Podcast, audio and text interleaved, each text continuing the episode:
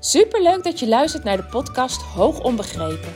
De podcast voor ouders van hoogbegaafde kinderen die hun kind beter willen begrijpen. Mijn naam is Eveline Noordzij en in deze podcast deel ik tips en inspiratie zodat jij jouw kind beter gaat begrijpen, meer en meer in jezelf gaat geloven en durft te gaan vertrouwen op jouw intuïtie. Hoe ga je om met uitdagende situaties? Wat heeft jouw kind van jou nodig? En hoe zorg je voor verandering zodat jouw kind zich gelukkig voelt?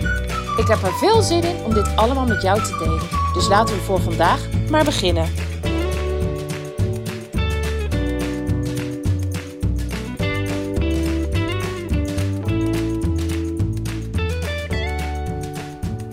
Zo, hi jongens, daar ben ik weer eens. Fijn dat je er weer bij bent. Ik loop nu in Praag, ondertussen de weg zoekend terug naar mijn auto. We zijn namelijk de afgelopen dagen in Praag geweest. Ik in ieder geval met drie kinderen. En ehm, nou, mocht je mijn Instagram-account volgen, dan heb je misschien ook wel foto's voorbij zien komen. Hele mooie stad, echt een aanrader. Wij hebben hier eh, vijf nachten verbleven, dus we hebben vier eh, dagen gehad. En nou, dat is echt meer dan lang genoeg. Ik denk dat we het in drie dagen ook prima hadden kunnen redden. Maar ehm, nou ja, de kinderen hebben het leuk gehad. Ik heb het heel leuk gehad. En eh, ja, nogmaals een hele mooie stad. Ik, eh, ik zou het iedereen echt aanraden om het een keer te gaan bezoeken. Nou, op mijn Instagram eh, heb ik ook stories gedeeld met tips. Hoe ik dat doe dan met de kinderen als ik naar een stad ga. Hoe we ja, zorgen dat het voor iedereen leuk blijft. En ik vond het ontzettend leuk om een reactie van een ouder te krijgen die zegt: Oh, Eveline, jij hebt me echt geïnspireerd om toch de stap te nemen om ook een keer met de kinderen naar, eh, naar een stad te gaan. Daar, ja, daar zie ik best wel af en toe tegenop. Uh, hè, als, uh, als een van de kinderen zegt van nou ik zou best wel naar, een, naar die of die stad willen gaan. Um, maar met jouw tips kan ik wel wat. Nou ja, dat is hartstikke leuk. Daar, daar deel ik ze ook voor. Want zoals in ieder geval bij mijn kinderen, bij mijn hoogbegaafde kinderen werkt, is dat ze het enorm leuk vinden om steeds in een andere omgeving te zijn. Het geldt natuurlijk niet voor alle kinderen. Ik krijg ook wel eens terug van ouders die zeggen van ja, mijn kinderen hebben daar minder behoefte aan. Hey, dat is prima. En dat kan natuurlijk ook. We hebben ook gewoon te maken met, uh, met andere dingen dan alleen hoogbegaafdheid. Hè? Je hebt ook nog met persoonlijkheidskenmerken te maken. Maar uh, die van ons hebben dat wel enorm. En uh, ja, dan is het in een stad lopen altijd enorm enorm afwisselend en kunnen ze allemaal hun ei kwijt. Maar goed, waar ik het vandaag met je over wil hebben. Natuurlijk over Praag, want uh, dat is natuurlijk gewoon ontzettend leuk. Maar uh, dat is niet de reden waarom ik deze podcast opneem. Waarom neem ik hem nou wel op? Nou, de afgelopen dagen heb ik toch een aantal gesprekken gevoerd met ouders of met scholen. Uh, ja, mijn werk gaat gewoon door. Oeh, ik loop nu ergens de hoek om. Misschien hoor je het wel met enorm veel wind. Ga even kijken of het zo wel lukt. Maar uh, weet je, op het moment dat ik gewoon weg ben met de kinderen, loopt mijn werk wel door. En probeer ik dat soort gesprekken in de avonden of in de ochtenden vroeg te plannen. En over een van deze gesprekken wil ik het heel graag met je hebben. Natuurlijk niet in detail, uh, maar wel even over het grote plaatje wat ik meekreeg. En dat is het volgende namelijk. Uh, en dat was niet, trouwens niet alleen in dit gesprek, dat heb ik de afgelopen weken al wel vaker ook meegekregen.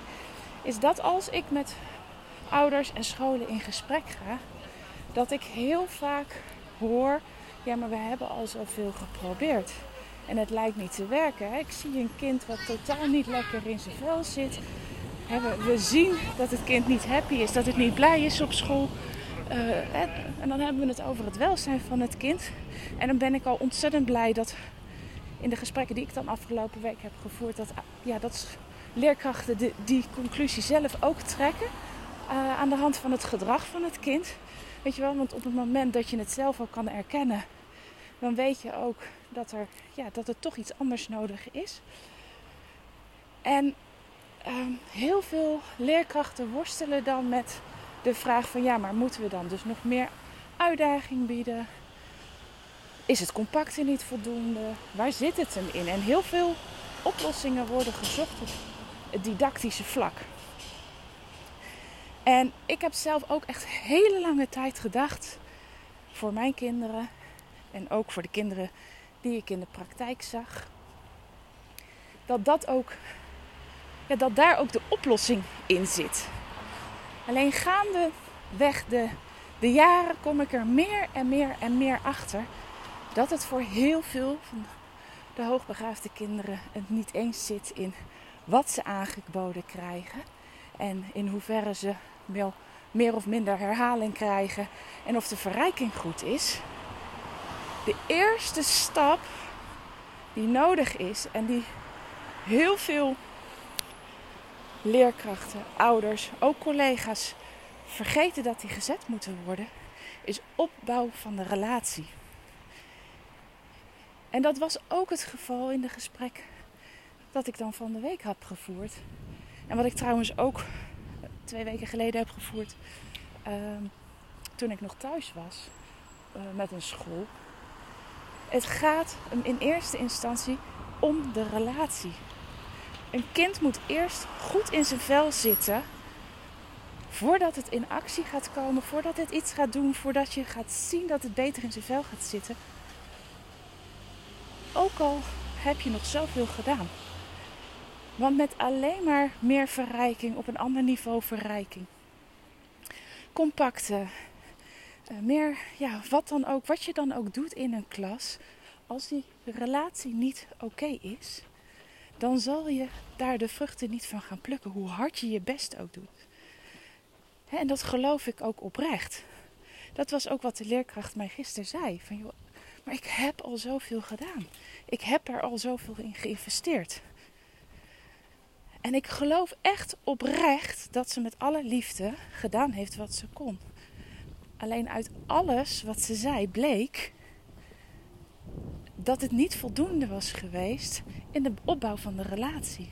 En dat daar vele, vele, vele malen meer aandacht aan besteed moet worden.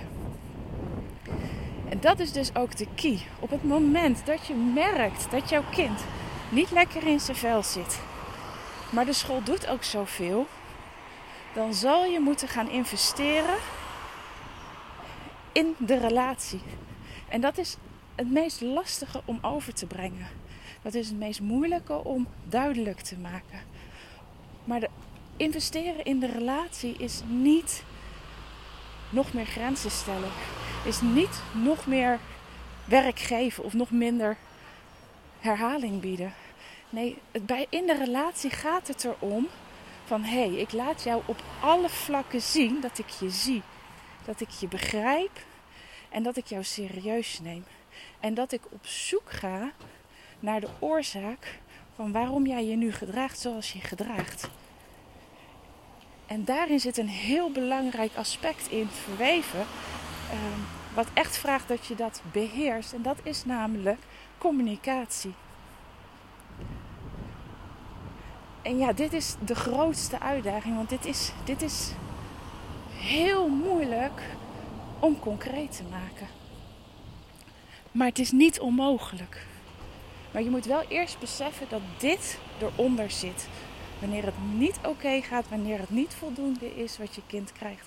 En ik, ik spreek gewoon uit eigen ervaring. Ik weet wat de relatie, de relatie tussen jouw kind en een leerkracht voor enorme effecten kan hebben. Zowel in positieve als in negatieve zin. Toen onze oudste op een HB-school eh, zat en een leerkracht had, die nou eigenlijk in, de, uh, in, de, in het eerste gesprek na twee, drie weken uh, een kennismakingsgesprek met ons en waar onze dochter ook bij was, eigenlijk precies kon vertellen wie onze dochter was en wat ze nodig had. Ja, dat deed zo ontzettend veel met haar. En zij klikte ook enorm goed met deze leerkracht. En zij kon ook een heleboel van deze leerkracht hebben. En die leerkracht, die wilde ook, die zei ook gerust tegen, tegen onze dochter van... joh, luister eens, ik zie dat je meer nodig hebt. Ik ben ermee bezig. Uh, ik vind het nog lastig, ik vind het zoeken, maar dan moeten we samen zien uit te komen. En dat was voor haar meer dan genoeg. Weet je, dan hoeft het niet perfect te zijn. Dat was helemaal niet nodig. Maar het feit dat die leerkracht de moeite nam om met haar te communiceren, om met haar te praten, Om te, te laten weten van hé, hey, ik zie jou heus en ik doe mijn best voor jou. Maar ik, hè, we moeten daar samen aan werken. Dat was genoeg. En zij bloeide dat jaar echt enorm op. En was het allemaal perfect op didactisch gebied? Nee, ik geloof het echt niet. Maar dat hoefde niet. Dat was niet, niet wat ze in eerste instantie nodig had. En er werden stappen ingezet en dat was dus voldoende. Dat didactische aanbod was voldoende. En de andere kant hebben we ook meegemaakt. Op het moment namelijk dat zij een jaar later een leerkracht kreeg die het niet zo nauw nam met de afspraken die gemaakt werden. Daar eigenlijk niet over wilde communiceren en haar eigen plan wilde trekken. En onze dochter ook niet serieus nam als ze zei van ja, maar weet je, dit beheers ik of dat moet ik nog leren, wil je daar aandacht aan geven? Ja, die raakte haar binnen zes weken kwijt. En dat is een, echt een gestruggel geweest, een enorme lange weg. Eh, wat ook uiteindelijk geresulteerd heeft in het feit dat zij uh, twee keer een aantal weken thuis heeft gezeten. En als ik het met haar over heb van ja, waar ging het daar mis? Hoor ik haar never, never nooit over. Joh, ik kreeg te weinig uitdaging. Of wat ik moest doen was saai. Of natuurlijk speelde dat ook een rol. Het ging, gaat vooral over wat ze tegen mij zegt. Is van, ze luisterde niet naar mij. Ik werd niet serieus genomen. Ze vonden het onzin wat ik zei. We hebben zoveel gesprekken gevoerd en ze hebben er niks mee gedaan. Nou, en als ik het dus heb over relatieopbouw en zorgen vanuit die relatie dat het kind zich gehoord, gezien en begrepen voelt, dan heb ik het hierover. En dit is echt de basis die gelegd moet worden, nog voordat je verder kan op het didactische niveau. En nou zeg ik niet, goh, laat alles maar hetzelfde. Ga eerst investeren in de relatie. Nee, dat bedoel ik niet. Maar wil jij meer halen, meer profijt halen uit het onderwijs van een kind. En dat een kind ook echt kan gaan laten zien wat het kan. Want dat is ook hetgene wat ik dan heel vaak hoor. Hè? Ja, weet je, maar het kind haalt geen goede scores. Of het kind beheerst dit nog niet. Of, nou ja, er zijn allerlei redenen. Ja, maar dat gaat, ga je ook niet zien zolang jij niet hebt geïnvesteerd in het kind. En ja, ik probeer het altijd heel simpel mogelijk te maken. Zowel voor ouders als voor leerkrachten. Weet je, op het moment dat jij een leidinggevende of een baas hebt of een collega hebt. Uh, waarmee jij niet goed klikt. Die ja, jou niet ziet voor wie je bent. Ja, presteer jij dan beter of minder goed? Ja, ik denk dat 9 van de 10 mensen moeten zeggen van ja, dan presteer ik minder. Want dat kost enorm veel energie. En ik, het enige wat ik op dat moment wil is dat ik gezien word. Want op het moment dat ik gezien word, ben ik ook bereid om een stapje harder te zetten. Ben ik ook bereid om naar jou te luisteren als je me voorziet van feedback, van instructie of van elke vorm van ook waarin ik kan, van jou kan accepteren dat, dat jij het op dat moment beter weet en dat je met mij beter kan uitleggen. Maar ja, die basis moet gelegd worden. En dat geldt voor jou, dat geldt voor mij en dat geldt zeker ook voor kinderen.